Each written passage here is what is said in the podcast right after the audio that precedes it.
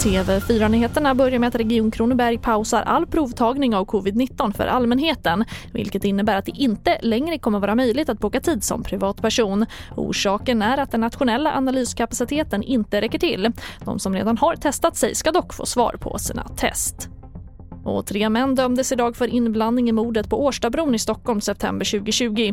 Två av dem, en 21-åring och en 28-åring, fälls för att ha utfört mordet. En 30-åring fälls för anstiftan till mord. Tingsrätten dömer livstid för de två äldre och 14 års fängelse för den yngre. Skjutningen kopplas till den gängkriminella miljön och en stor del av bevisningen i målet kommer från den krypterade kommunikationstjänsten Inom.